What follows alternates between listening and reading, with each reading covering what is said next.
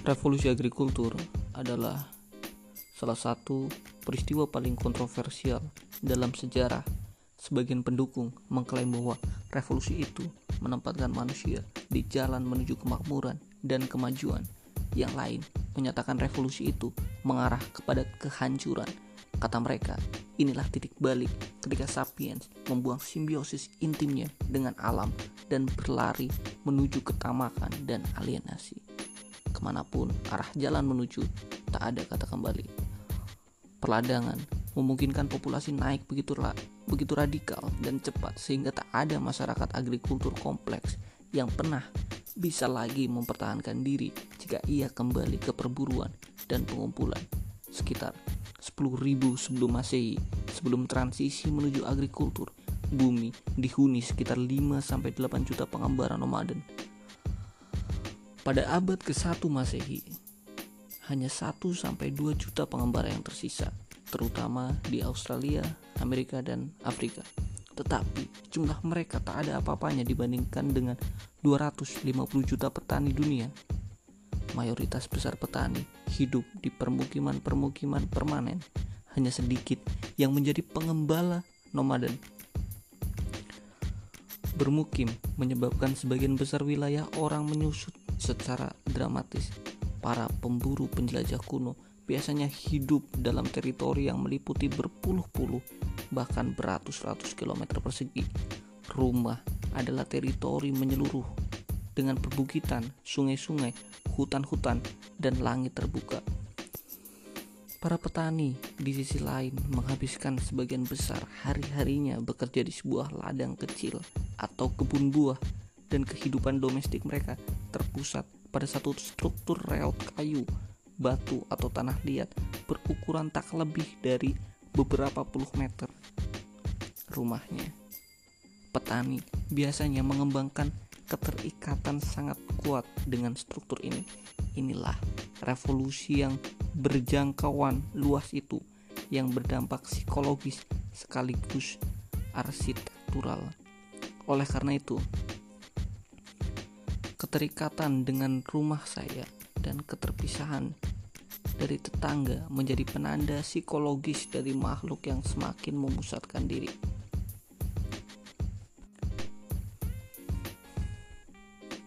Teritori-teritori agrikultur baru tidak hanya jauh lebih kecil dari teritori pengembara kuno, tetapi juga jauh lebih artifisial.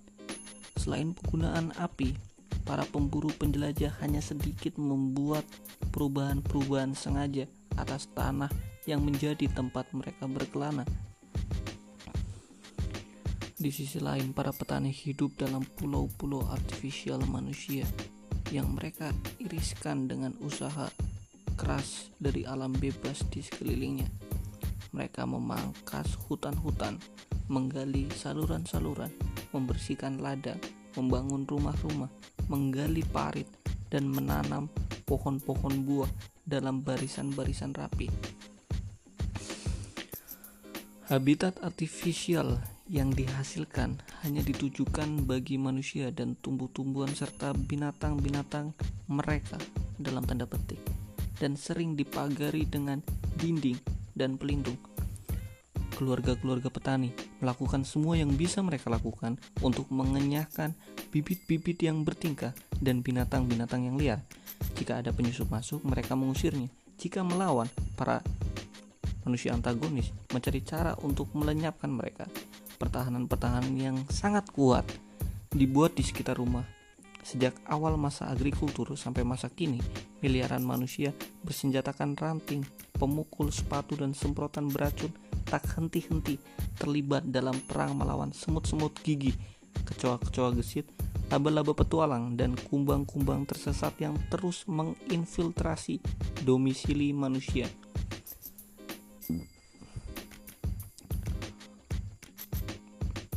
uh, pada sebagian besar rentang sejarah enklave enklave buatan manusia ini tetap sangat kecil dikelilingi oleh hamparan alam yang tak tersentuh permukiman bumi memiliki luas sekitar 500 510 juta kilometer persegi 155 juta di antaranya berupa daratan. Sampai dengan 1400 Masehi, mayoritas besar petani beserta tumbuhan dan binatang-binatang mereka terhimpun dalam area hanya 11 juta kilometer persegi. 2% dari permukaan permukiman bumi 2% dari permukaan bumi area lain di mana pun terlalu dingin, terlalu panas, terlalu kering, terlalu basah yang tidak cocok untuk pertanian. Dalam irisan mungil 2% dari permukaan bumi inilah sejarah berkembang. Orang sulit meninggalkan pulau-pulau artifisial mereka.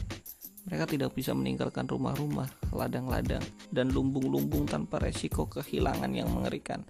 Lebih dari itu, dari waktu ke waktu, mereka mengakumulasi semakin banyak dan semakin banyak barang, benda-benda yang tak mudah diangkut, yang mengikat mereka. Para petani kuno bagi kita mungkin miskin dan kotor, tetapi satu keluarga biasa memiliki lebih banyak artefak dari satu suku pengembara. Datangnya masa depan Sementara ruang agrikultur menyempit, masa bercocok tanam mengembang. Para pengembara biasanya tidak menghabiskan waktu untuk memikirkan pekan depan atau bulan depan. Para petani mengumbar imajinasinya hingga ke tahun-tahun dan dekade-dekade pada masa depan. Para pengembara tidak memikirkan masa depan karena mereka hidup dari tangan dan mulut dan hanya menyimpan makanan atau mengumpulkan harta benda dengan susah payah. Tentu saja mereka jelas terlibat dalam suatu perencanaan yang maju. Para perancang seni gua Kauvet, Lascaux, dan Altamira hampir pasti meniatkan itu semua bertahan dari generasi ke generasi. Aliansi-aliansi sosial.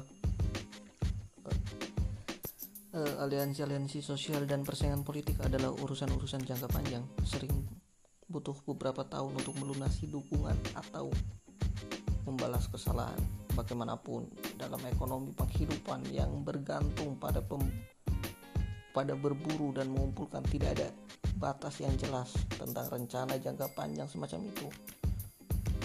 Secara paradoks, itu menyelamatkan para pengembara dari banyak kecemasan. Tidak ada gunanya khawatir tentang hal-hal yang tidak bisa mereka pengaruhi. Revolusi agrikultur menjadikan masa depan jauh lebih penting dari yang pernah terjadi sebelumnya. Para petani harus selalu memikirkan masa depan dan harus bekerja untuknya. Ekonomi agrikultur didasarkan pada siklus musim produksi yang berisi bulan-bulan panjang penanaman diikuti periode panen puncak yang singkat. Pada malam setelah akhir panen yang berlimpah, para petani mungkin merayakan segala yang mereka capai. Tetapi dalam sepekan atau lebih mereka kembali lagi bangun pagi untuk bekerja sepanjang hari di ladang. Meskipun ada makanan yang cukup untuk hari ini, pekan depan dan bahkan bulan depan mereka harus cemas tentang tahun depan dan tahun sesudahnya. Kecemasan akan masa depan berakar tidak hanya pada siklus-siklus musim produksi, tetapi juga pada ketidakpastian fundamental agrikultur. Karena sebagian besar desa hidup dari menanam tumbuh-tumbuhan dan binatang-binatang domestikasi dengan keragaman yang sangat terbatas. Nasib mereka bergantung pada kekeringan, banjir, dan wabah. Para petani harus bisa menyimpan cadangan-cadangan. Para petani juga harus memproduksi lebih banyak dari yang mereka konsumsi. Tanpa benih di lumbung, guci-guci minyak zaitun dalam tanah, keju di dapur, dan sosis yang menggantung dari kasau. Mereka bisa kelaparan pada tahun-tahun buruk. Dan tahun-tahun buruk pasti datang, cepat atau lambat. Seorang petani hidup dengan asumsi bahwa hidup tak selamanya berjalan dengan baik. Akibatnya, sejak masa paling awal agrikultur, kecemasan tentang masa depan menjadi pemain utama dalam teater pikiran manusia.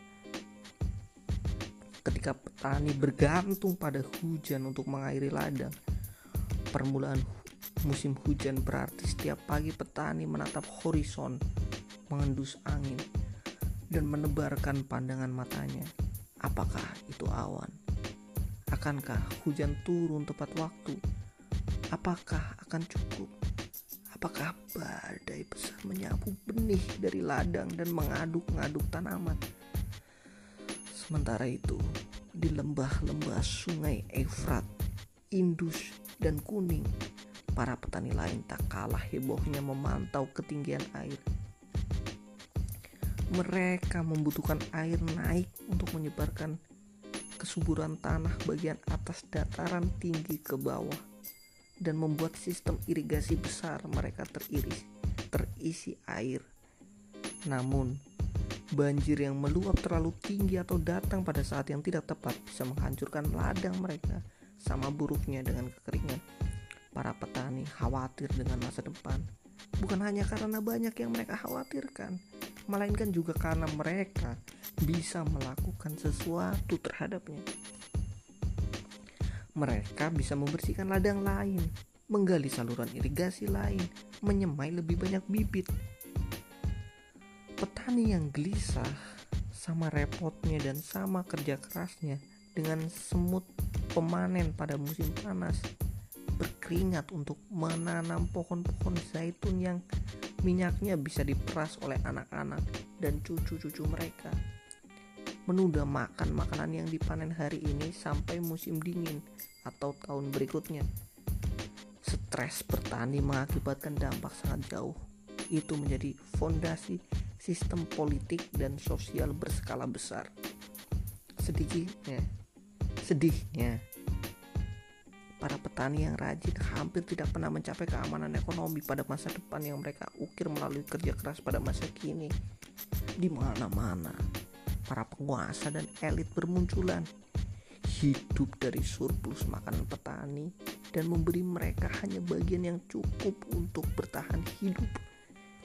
Pengorbanan surplus makanan ini menghidupi politik, perang, seni, dan filsafat. Mereka membangun istana-istana, benteng-benteng, dan kuil-kuil sampai dengan era modern belakangan. Lebih dari 90% manusia adalah petani yang bangun tidur pada pagi hari untuk mengolah tanah dengan keringat dari kening mereka. Lebihan hasil produksi mereka menghidupi minoritas elit, raja, pejabat pemerintah, tentara, pendeta, artis, dan pemikir yang mengisi buku-buku sejarah. Sejarah adalah sesuatu yang dilakukan oleh sangat sedikit orang sedangkan semua orang lainnya membajak sawah dan memikul kantong-kantong air.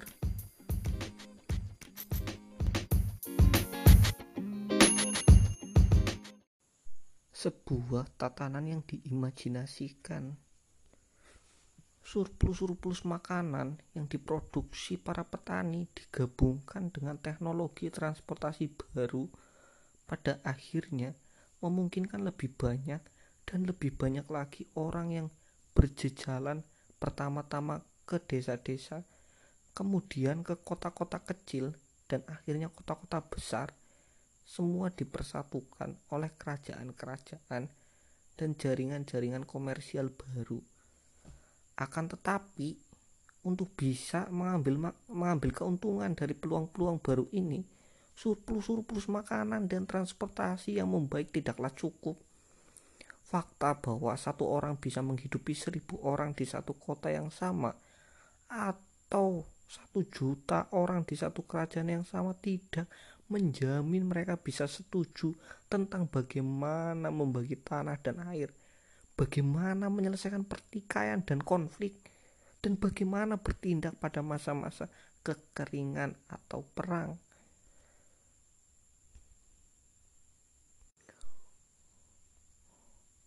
Dan jika tidak ada kesepakatan yang bisa dicapai, percekcokan meluas, sekalipun gudang-gudang berlimpah. Bukan kekurangan makanan yang menyebabkan sebagian besar perang atau revolusi dalam sejarah. Revolusi Prancis digalang oleh para oleh para pengacara makmur, bukan oleh petani-petani yang kelaparan. Republik Romawi. Ingat, Republik Romawi mencapai puncak kekuasaannya pada abad ke-1 Masehi ketika armada-armada laut dari seluruh Mediterania memperkaya orang-orang Romawi melampaui impian paling liar para leluhur mereka. Namun, ingat, pada masa kemakmuran maksimum itulah tatanan politik Romawi runtuh menjadi serangkaian perang saudara mematikan. Yugoslavia pada 1991 memiliki sumber daya yang cukup untuk menghidupi semua penghuninya dan masih terdisintegrasi dalam pertumpahan darah yang mengerikan. Problem dari akar bencana-bencana itu adalah bahwa manusia berevolusi selama jutaan tahun dalam kawanan-kawanan kecil berisi beberapa puluh individu saja. Beberapa milenium yang memisahkan revolusi agrikultur dari kemunculan kota-kota, kerajaan-kerajaan, dan imperium-imperium bukanlah waktu yang cukup untuk memberi ruang bagi berkulir bergulirnya kerjasama massal yang naluriah. Meskipun tidak ada naluri biologi semacam itu, pada era pengembaraan, ratusan orang asing bisa bekerja sama berkat kesamaan mitos mereka. Namun, kerjasama ini longgar dan terbatas. Setiap kawanan sapiens terus menempuh kehidupan independen dan mampu memenuhi sebagian besar kebutuhan hidup masing-masing. Seorang sosiologis, arkeologi yang hidup 20 ribu tahun lalu yang tak punya pengetahuan tentang peristiwa-peristiwa setelah revolusi agrikultur sangat mungkin menyimpulkan bahwa mitologi memiliki cakupan yang amat terbatas. Kisah-kisah tentang arwah leluhur dan benda keramat suku cukup kuat untuk membuat 500 orang berdagang kerang laut, merayakan perayaan aneh, dan ikut pasukan untuk menyapu bersih satu kawanan Nindertal. Tetapi tidak lebih dari itu. Mitologi, ya, mitologi mungkin pikir sosial sosiolog kuno tersebut tidak mungkin bisa membuat jutaan orang asing bekerja sama dalam keseharian mereka. Akan tetapi, ternyata itu salah. Mitos sebagaimana yang terjadi lebih kuat dari yang bisa dibayangkan oleh siapa pun. Ketika revolusi agrikultur membuka peluang-peluang terciptanya kota-kota padat dan imperium-imperium besar orang menemukan cerita-cerita tentang dewa-dewa besar, tanah air, dan perusahaan-perusahaan saham gabungan untuk memenuhi hubungan-hubungan sosial yang dibutuhkan. Sementara, sementara evolusi manusia merangkak, sebagaimana biasa dalam kecepatan bekicot, imajinasi manusia membangun jaringan-jaringan kerjasama yang mencengangkan, tak seperti yang pernah terlihat di muka bumi pada sekitar 8500 sebelum masehi. Hmm, permukiman-permukiman terbesar di dunia adalah desa-desa seperti Jericho yang berisi beberapa ratus individu. Sampai dengan 7000 7000 sebelum masehi kota Katal Hoyuk di Anatolia berisi antara 5000 sampai 10.000 individu. Mungkin itu permukiman terbesar di dunia pada masa itu. Dalam milenium keempat dan kelima sebelum masehi, kota-kota dengan puluhan ribu penghuni bertebaran di bulan sabit subur itu dan masing-masing berkuasa atas desa-desa di, di dekatnya.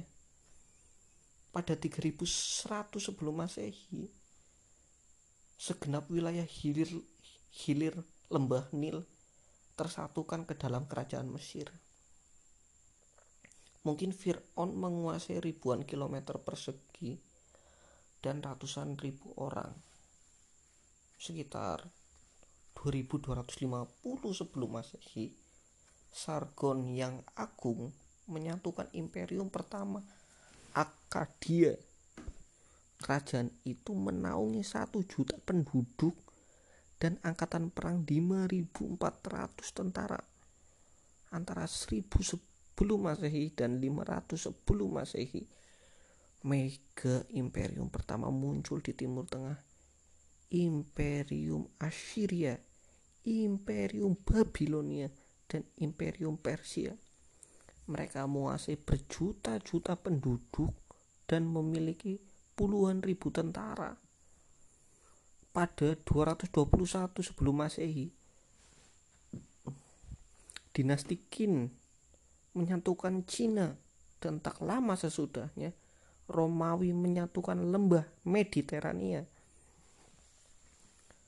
Pajak yang dibebankan pada 40 juta penduduk Qin dibayar untuk mendanai angkatan perang berkekuatan ratusan ribu tentara dan birokrasi kompleks yang mempekerjakan lebih dari 100 ribu pejabat. Imperium Romawi pada masa kejayaannya menghimpun pajak dari 100 juta penduduk. Pendapatan ini mendanai angkatan perang 250 ribu sampai 500 ribu tentara jaringan jalan yang masih digunakan 1500 tahun kemudian dan teater-teater serta amphitheater yang menampung penonton hingga hari ini jelas mengesankan. Tetapi kita tidak boleh melabuhkan ilusi optimis tentang jaringan kerjasama massal yang beroperasi di Mesir era Fir'aun atau Imperium Romawi kerjasama terdengar sangat altruistik, tetapi itu tidak selalu sukarela dan terkadang egaliter. Sebagian besar jaringan kerjasama manusia digerakkan menuju penindasan dan eksploitasi. Para petani membayar untuk kerjasama yang berkembang itu dengan surplus-surplus makanan mereka yang sangat berharga, yang menyengsarakan ketika pengumpul pajak menyapu bersih seluruh hasil kerja keras setahun penuh dengan satu goresan pena kerajaan. Amfiteater terkenal Romawi sering dibangun oleh budak-budak sehingga orang-orang kaya penganggur Romawi bisa menonton budak-budak lain terlibat dalam pertarungan gladiator yang kejam. Bahkan, penjara dan kem-kem konsentrasi adalah jaringan kerjasama dan hanya bisa berfungsi karena ribuan orang asing berhasil mengordinasi aksi-aksi mereka. Semua jaringan kerjasama ini dari kota-kota Mesopotamia kuno sampai Imperium Qin dan Romawi adalah tatanan-tatanan yang diimajinasikan. Norma-norma sosial yang memelihara mereka bukan didasarkan pada naluri-naluri bawaan maupun perkenalan-perkenalan personal, melainkan pada kepercayaan yang sama pada mitos. Bagaimana mitos bisa menjaga imperium-imperium itu? Kita sudah membahas contoh semacam itu. Pigeot misalnya. Ingat, kini mari kita mencermati dua mitos paling terkenal dalam sejarah Undang-Undang Hammurabi dari 1776 sebelum Masehi yang menjadi panduan kerjasama bagi ratusan ribu penduduk Babilonia kuno dan Deklarasi Kemerdekaan Amerika pada 1776 Masehi yang kini menjadi panduan kerjasama bagi ratusan juta orang Amerika modern. Pada 1776 sebelum Masehi Babylon adalah kota terbesar di dunia Imperium Babilonia mungkin yang terbesar di dunia dengan lebih dari satu juta penduduk. Babilonia menguasai sebagian besar Mesopotamia, termasuk Irak modern, dan bagian-bagian yang kini menjadi Suriah dan Iran. Raja Babilonia yang paling terkenal kini adalah Hammurabi. Kemasyhuran terutama disebabkan oleh naskah yang memuat namanya Undang-Undang Hammurabi ini adalah kumpulan undang-undang dan keputusan-keputusan yudisial yang tujuannya untuk menjadikan Hammurabi sebagai sosok raja teladan yang adil menjadi dasar bagi sistem legal yang seragam di seluruh imperium Babilonia dan mengajarkan kepada generasi-generasi masa depan tentang apa itu keadilan bagaimana seorang raja yang adil bertindak. Generasi-generasi masa depan memperhatikan elit intelektual dan birokrasi Mesopotamia kuno mengundangkan naskah itu dan ahli-ahli kitab suci terus menyalinya jauh setelah Hammurabi meninggal dan imperiumnya hancur berkeping-keping. Oleh karena itu, Undang-Undang Hammurabi menjadi sebuah sumber bagus untuk memahami tatanan sosial ideal Mesopotamia kuno.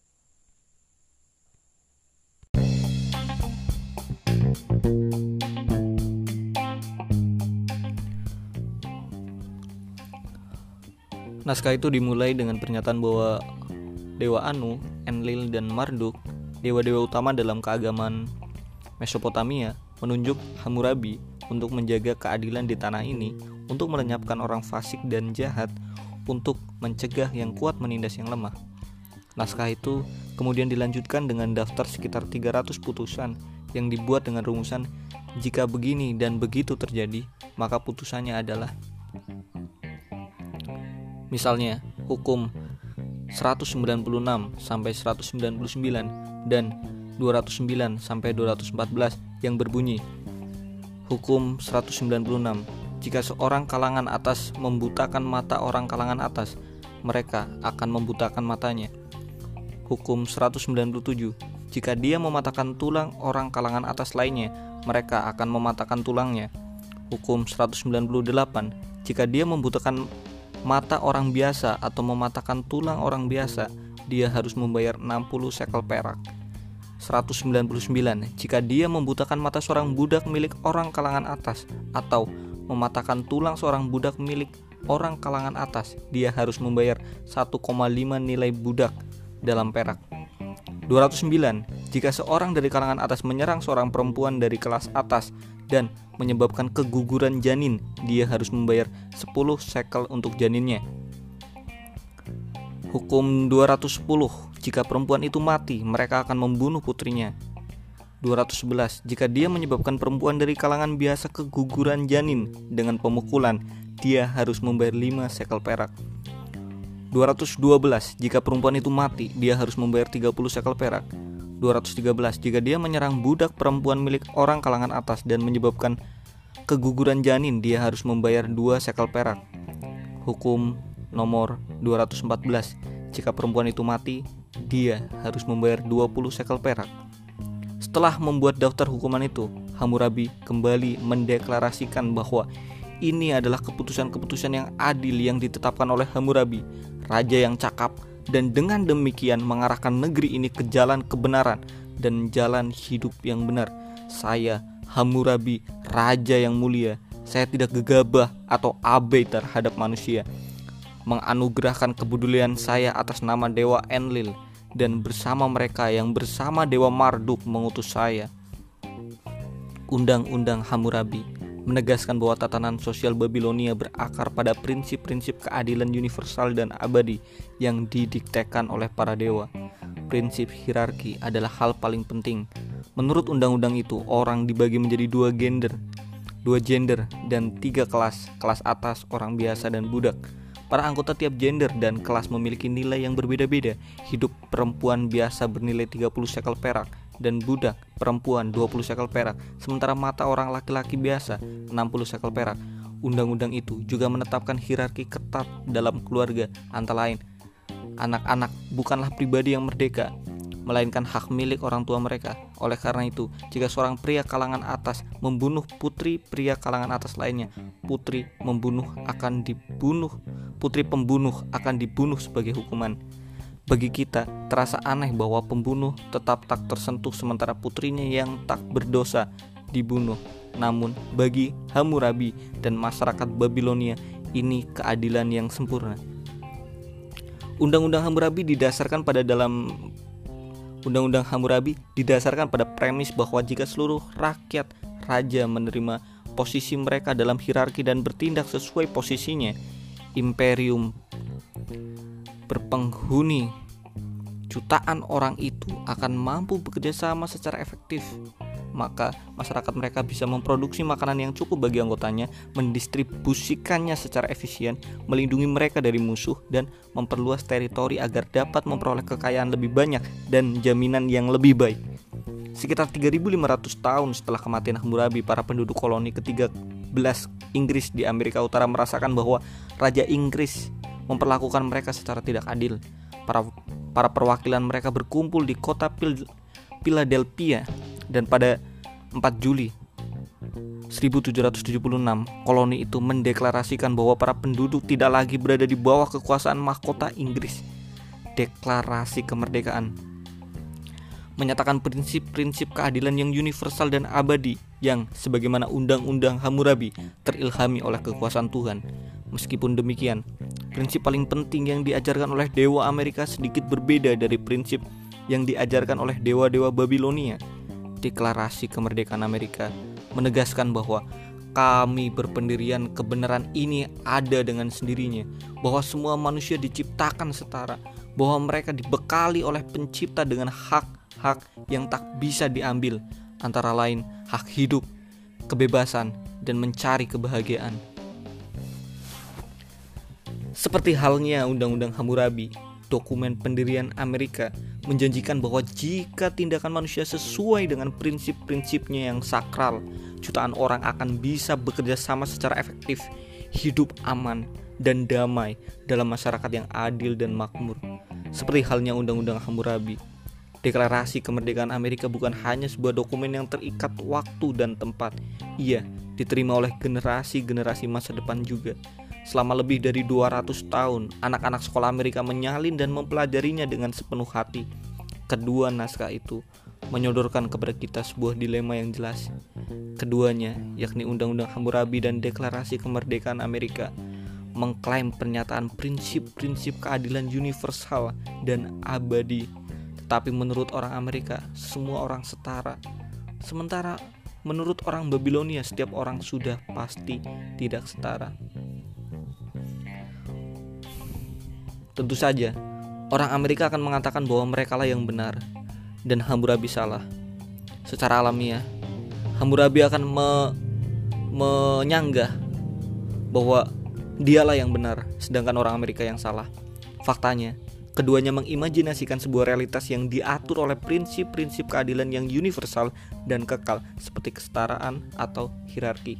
Padahal, satu-satunya tempat yang memungkinkan prinsip-prinsip universal semacam itu adalah dalam imajinasi subur sapiens dan dalam mitos yang merdeka dan dalam mitos yang mereka ciptakan dan sebarkan. Prinsip-prinsip ini tidak punya validitas objektif.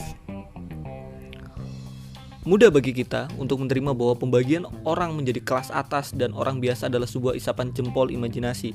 Namun, ide bahwa seluruh manusia setara juga sebuah mitos. Dalam pengertian apa seluruh manusia setara dengan yang lainnya? Adakah realitas objektif di luar imajinasi manusia yang di dalamnya kita semua benar-benar setara? Apakah seluruh manusia setara dengan yang lainnya secara biologis? Mari kita coba menerjemahkan baris paling terkenal dari Deklarasi Kemerdekaan Amerika ke dalam terminologi biologis.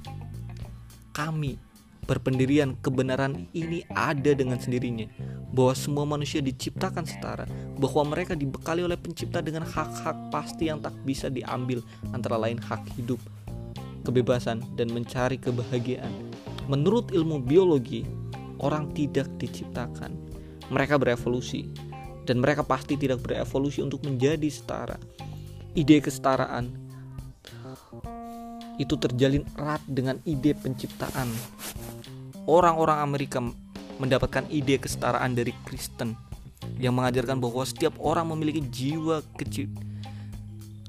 Orang-orang Amerika mendapatkan ide kesetaraan dari Kristen yang mengajarkan bahwa setiap orang memiliki jiwa ciptaan ilahi dan seluruh jiwa setara di hadapan Tuhan.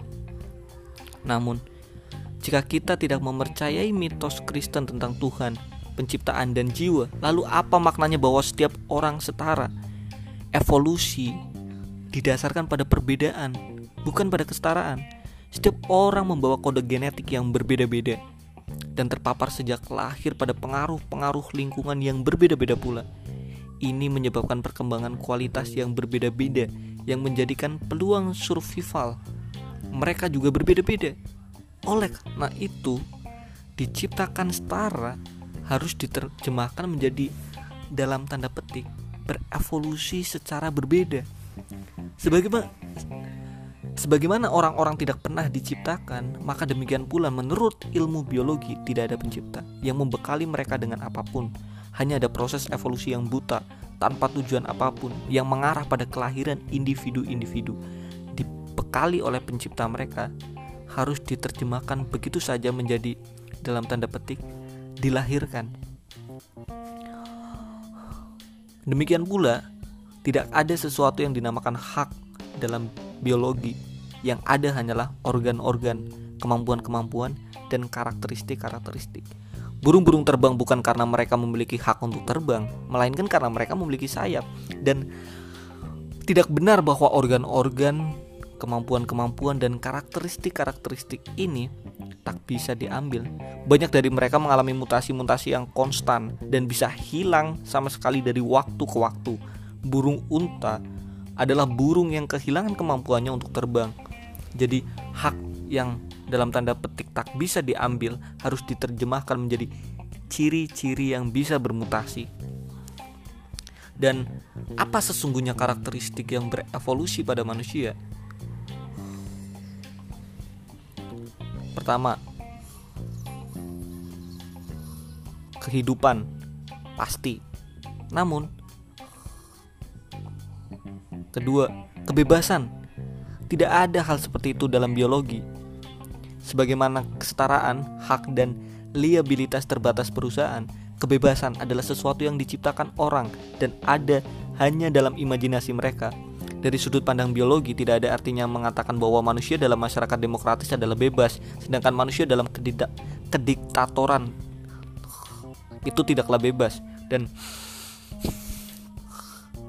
bagaimana dengan kebahagiaan? Sejauh ini riset biologi gagal menyodorkan definisi yang jelas tentang kebahagiaan atau cara untuk mengukurnya secara objektif. Sebagian besar studi biologi mengakui hanya eksistensi kesenangan yang lebih mudah didefinisikan dan diukur. Jadi, kehidupan, kebebasan, dan pencarian kebahagiaan harus diterjemahkan menjadi dalam tanda petik kehidupan dan pencarian kesenangan. Maka, Inilah garis dari deklarasi kemerdekaan Amerika yang diterjemahkan ke dalam terminologi biologi. Kami mengakui bahwa kebenaran untuk ada dengan sendirinya, bahwa semua manusia berevolusi secara berbeda, bahwa bahwa mereka dilahirkan dengan karakteristik-karakteristik tertentu yang bisa bermutasi dan bahwa di antaranya adalah kehidupan dan pencarian kebahagiaan. Para pendukung kesetaraan hak-hak manusia mungkin jengkel dengan garis pemikiran ini. Respon mereka mungkin begini, kami tahu bahwa orang-orang memang tidak setara secara biologis. Namun jika kita yakin bahwa kita semua setara secara esensi, itu akan memungkinkan kita menciptakan sebuah masyarakat yang stabil dan makmur. Saya tak mau menentang argumentasi, argumentasi itu.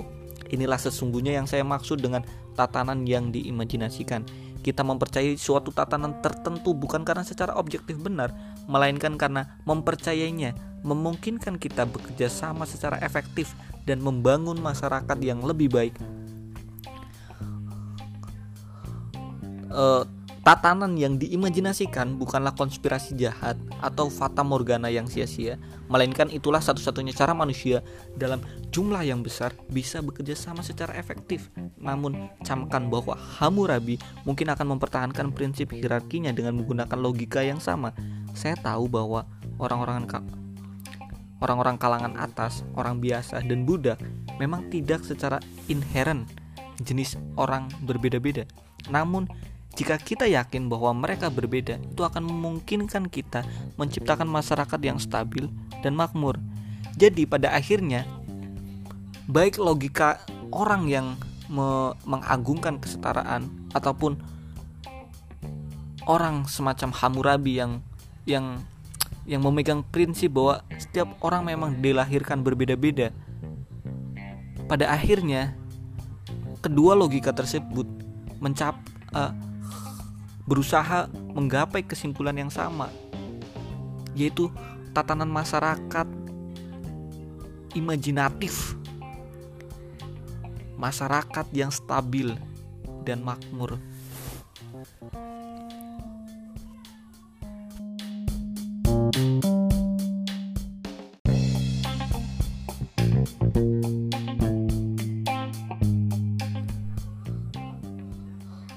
penganut sejati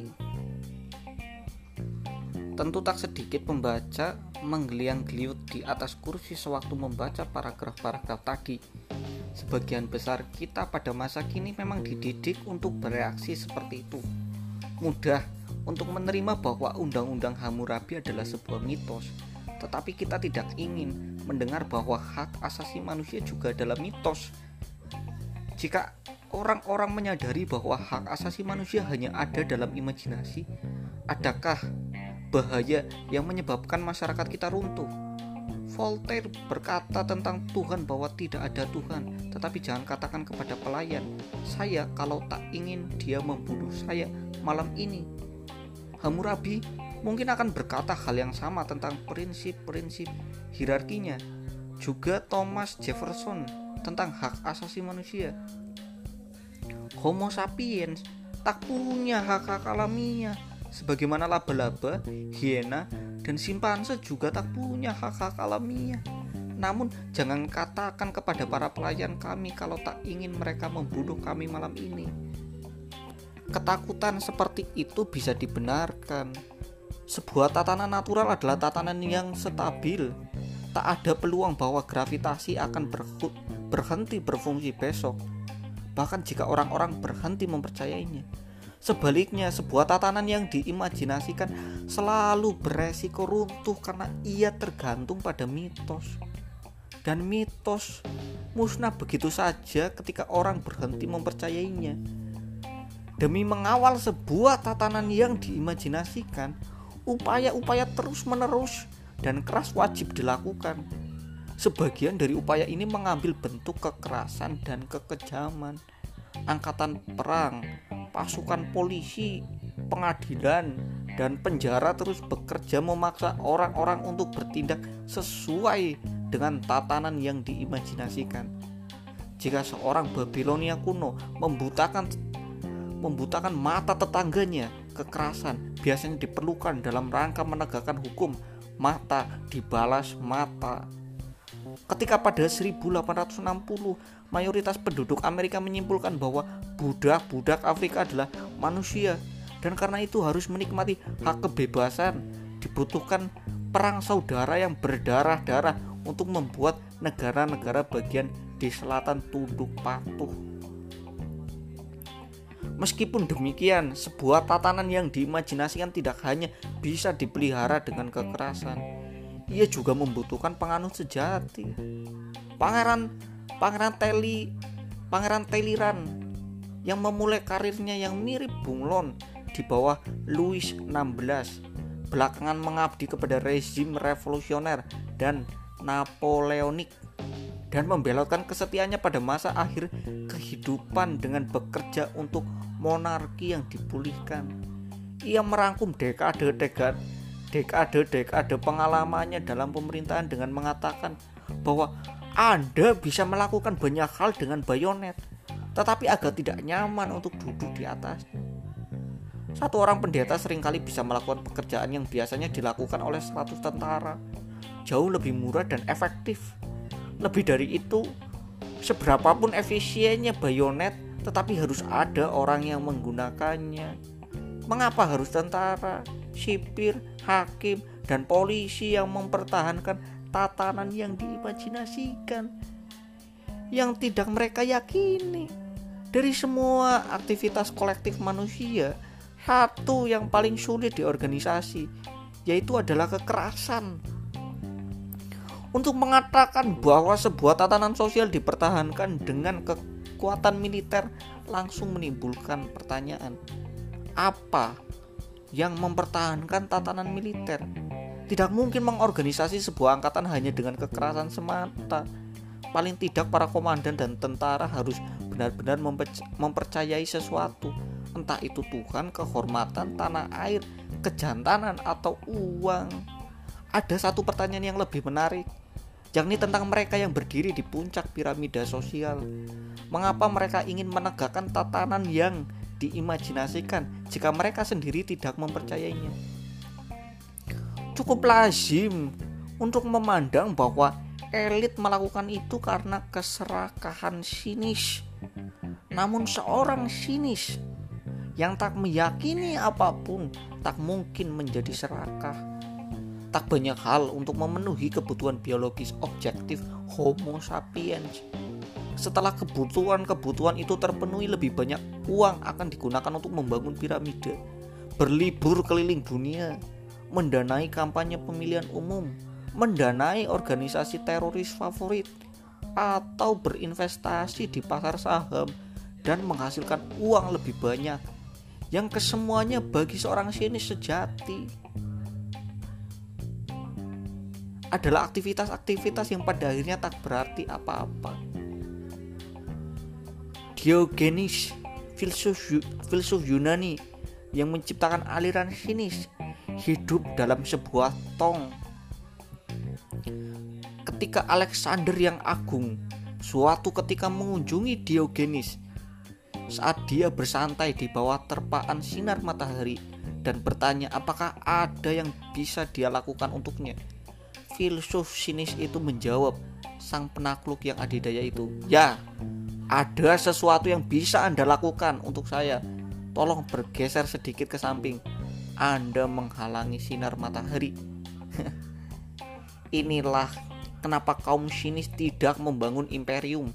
Dan mengapa sebuah tatanan yang diimajinasikan hanya bisa dipertahankan jika bagian-bagian besar dari populasi dan terutama bagian-bagian besar elit dan pasukan keamanannya benar-benar mempercayainya.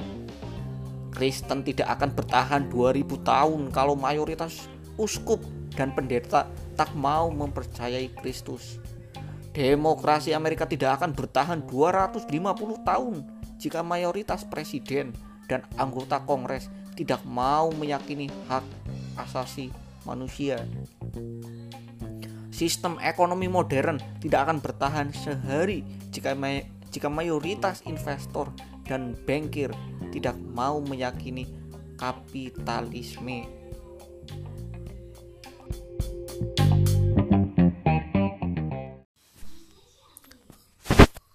Dinding-dinding penjara. Bagaimana Anda membuat orang meyakini suatu tatanan yang diimajinasikan seperti Kristen demokrasi, atau kapitalisme. Pertama, Anda tidak pernah mengakui bahwa tatanan itu adalah imajinasi. Anda selalu menekankan bahwa tatanan-tatanan yang mempertahankan masyarakat adalah realitas objektif yang diciptakan dewa-dewa besar atau oleh hukum alam. Orang-orang tidak setara bukan karena Hammurabi mengatakan demikian, melainkan karena Enlil dan Marduk memutuskannya.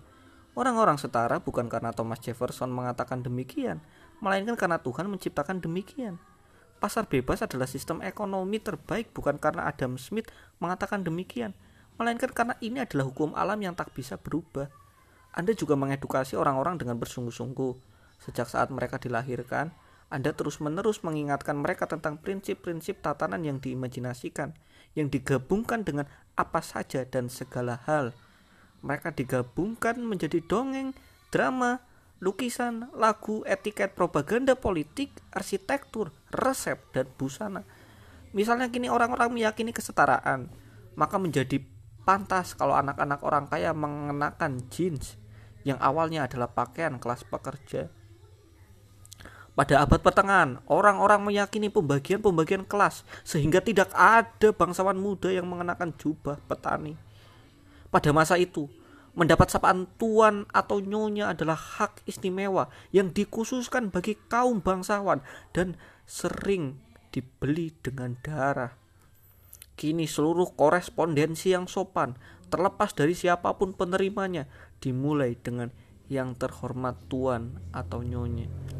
Ilmu kemanusiaan dan sosial mengerahkan sebagian besar energinya untuk menjelaskan secara tepat bagaimana tatanan yang diimajinasikan itu dijalin menjadi permadani kehidupan. Dalam ruang terbatas yang kita miliki, kita hanya menoreh permukaan.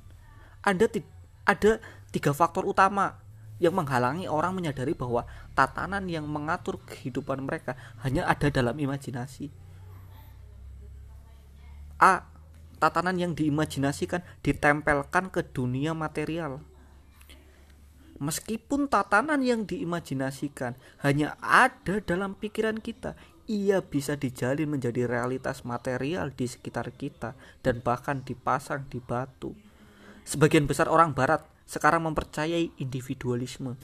Mereka percaya bahwa setiap manusia adalah seorang individu yang nilainya tidak tergantung pada isi pikiran orang lain tentang dia. Dalam diri setiap kita ada pancaran sinar gemilang yang memberi nilai dan arti bagi hidup kita. Di sekolah-sekolah modern barat, para guru dan orang tua mengajarkan kepada anak-anak bahwa jika teman-teman sekelas mempermainkan mereka, mereka harus mengabaikannya. Hanya mereka sendiri, bukan orang lain yang tahu nilai mereka yang sejati. Dalam arsitektur modern, mitos ini melompat keluar dari imajinasi untuk mengambil bentuk dalam batu dan lesung. Rumah modern dibagi menjadi banyak kamar sehingga setiap anak bisa memiliki ruang privat tersembunyi dan tersembunyi dari pandangan untuk memberikan otonomi maksimum kamar privat ini hampir selalu punya sebuah pintu dan dalam banyak rumah tangga anak dibenarkan menutup dan mungkin mengunci pintu itu. Bahkan orang tua dilarang memasukinya tanpa mengetuk dan meminta izin. Kamar itu dihiasi sesuai dengan keinginan anak dengan poster-poster bintang rock di dinding dan kaos kaki kotor di lantai. Se seorang yang tumbuh dalam ruang seperti itu tidak bisa tidak membayangkan diri sebagai seorang individu. Nilai dirinya yang sejati memancar dari dalam, bukan dari luar. Kaum bangsawan abad pertengahan tidak mempercayai yang namanya individualisme. Nilai seseorang ditentukan oleh tempat mereka dalam hierarki sosial dan oleh apa yang orang lain katakan tentang mereka. Ditertawai adalah penghinaan mengerikan para bangsawan abad pertengahan mengajarkan kepada anak-anak mereka untuk melindungi nama baik dengan harga apa pun. Sebagaimana individualisme modern, sistem nilai abad pertengahan meninggalkan man, meninggalkan imajinasi itu dan termanifestasi dalam batu kastel-kastel. Kastel jarang berisi kamar-kamar. Kastil maksudnya jarang berisi kamar-kamar privat untuk anak-anak atau siapa pun yang lain dalam hal ini. Anak remaja laki-laki dari seorang baron abad pertengahan tidak memiliki kamar kamar privat di lantai dua kastil dengan poster-poster Richard the Lionheart dan King Arthur di dinding serta pintu yang terkunci sehingga orang tua tidak dibolehkan membukanya. Dia tidur bersama banyak pemuda lain di sebuah ruang besar ia selalu ditampilkan dan selalu harus memperhatikan apa yang orang lihat dan katakan. Seseorang yang tumbuh dalam kondisi semacam itu secara alamiah menyimpulkan bahwa nilai sejati seorang pria ditentukan oleh tempatnya dalam hierarki sosial dan oleh apa yang dikatakan orang tentang dirinya. B. Tatanan yang diimajinasikan membentuk hasrat kita Sebagian besar orang tidak ingin menerima bahwa tatanan yang mengatur kehidupan mereka adalah imajiner. Tetapi faktanya setiap orang dilahirkan dalam sebuah tatanan yang diimajinasikan yang sudah ada sebelumnya dan hasratnya dibentuk sejak lahir oleh mitos-mitos dominan yang ada di dalamnya. Oleh karena itu, hasrat-hasrat personal kita menjadi pertahanan yang paling penting dari tatanan yang diimajinasikan tersebut. Misalnya, hasrat paling menonjol dari orang barat masa kini dibentuk oleh mitos-mitos romantik, nasionalis, kapitalis, dan humanis yang sudah ada selama berabad-abad. Orang-orang berteman saling menasehati, ikuti kata hatimu.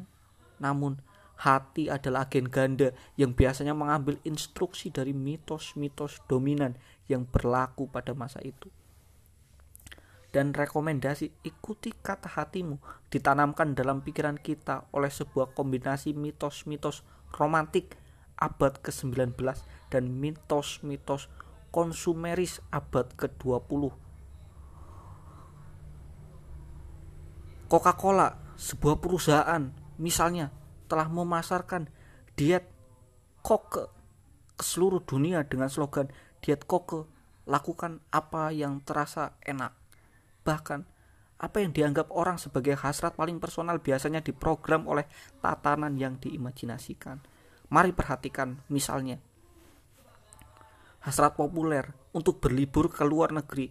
Tidak ada yang natural atau jelas dalam hal ini.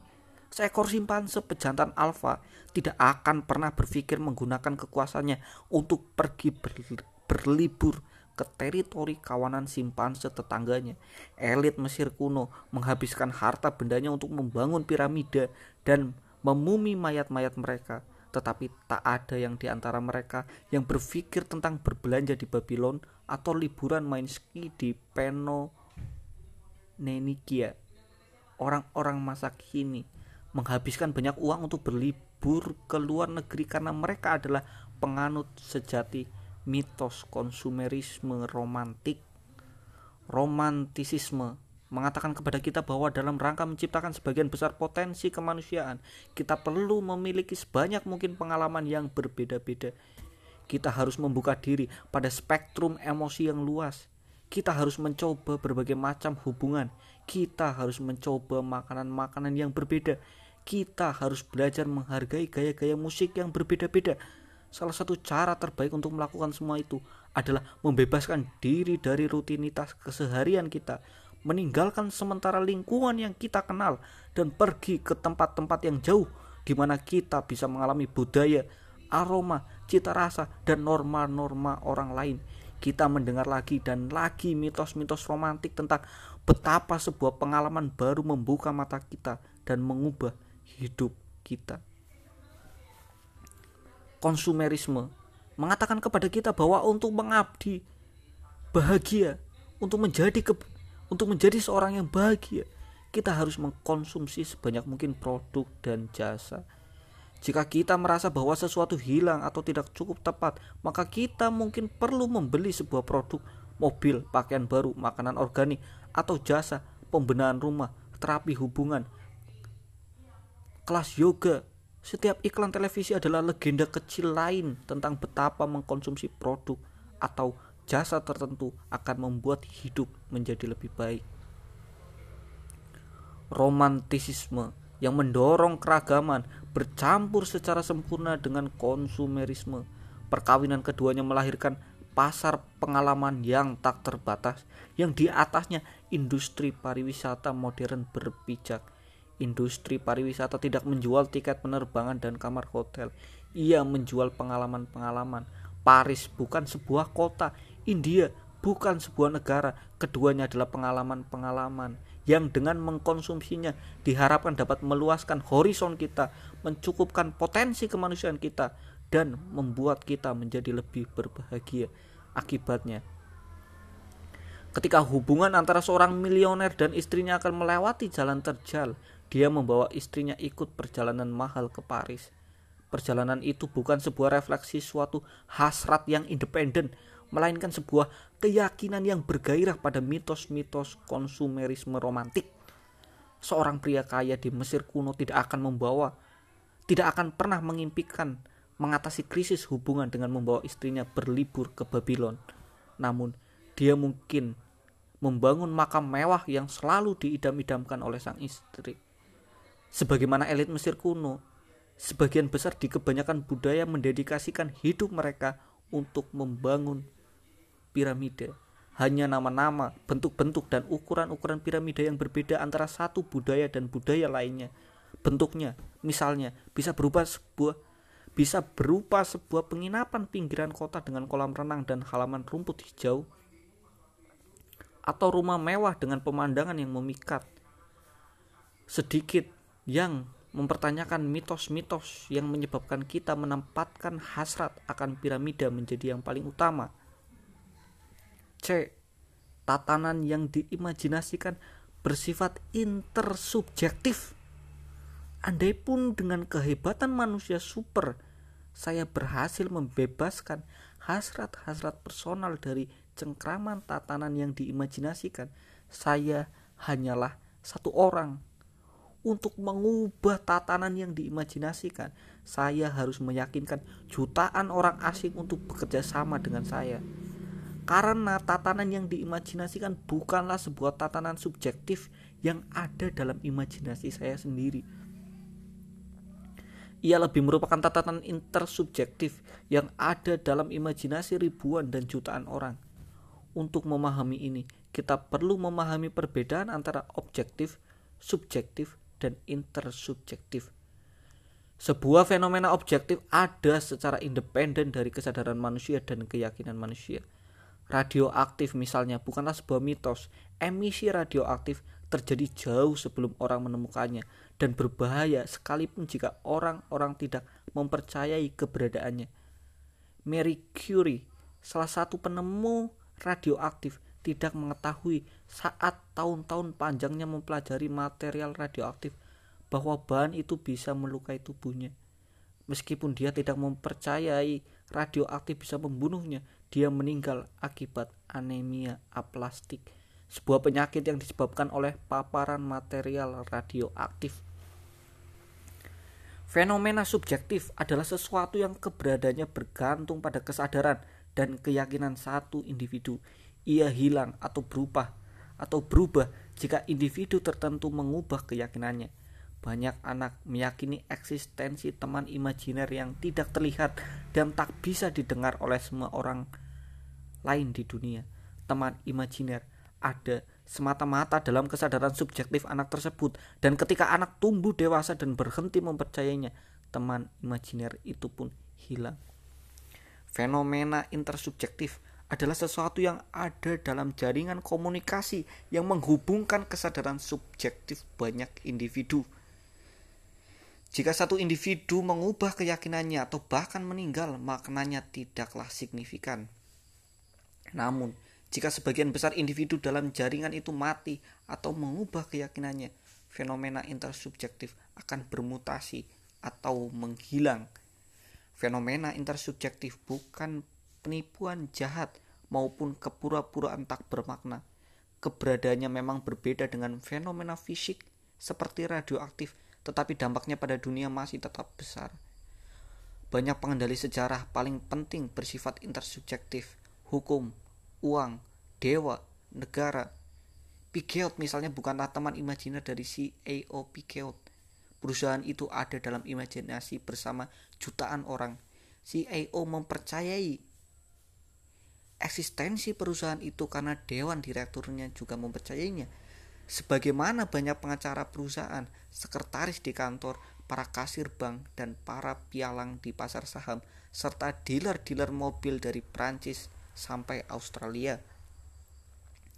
Jika si EO sendiri tiba-tiba berhenti mempercayai eksistensi Piguet, dia dengan cepat akan mendarat di sebuah rumah sakit jiwa dan seseorang akan menduduki jabatannya.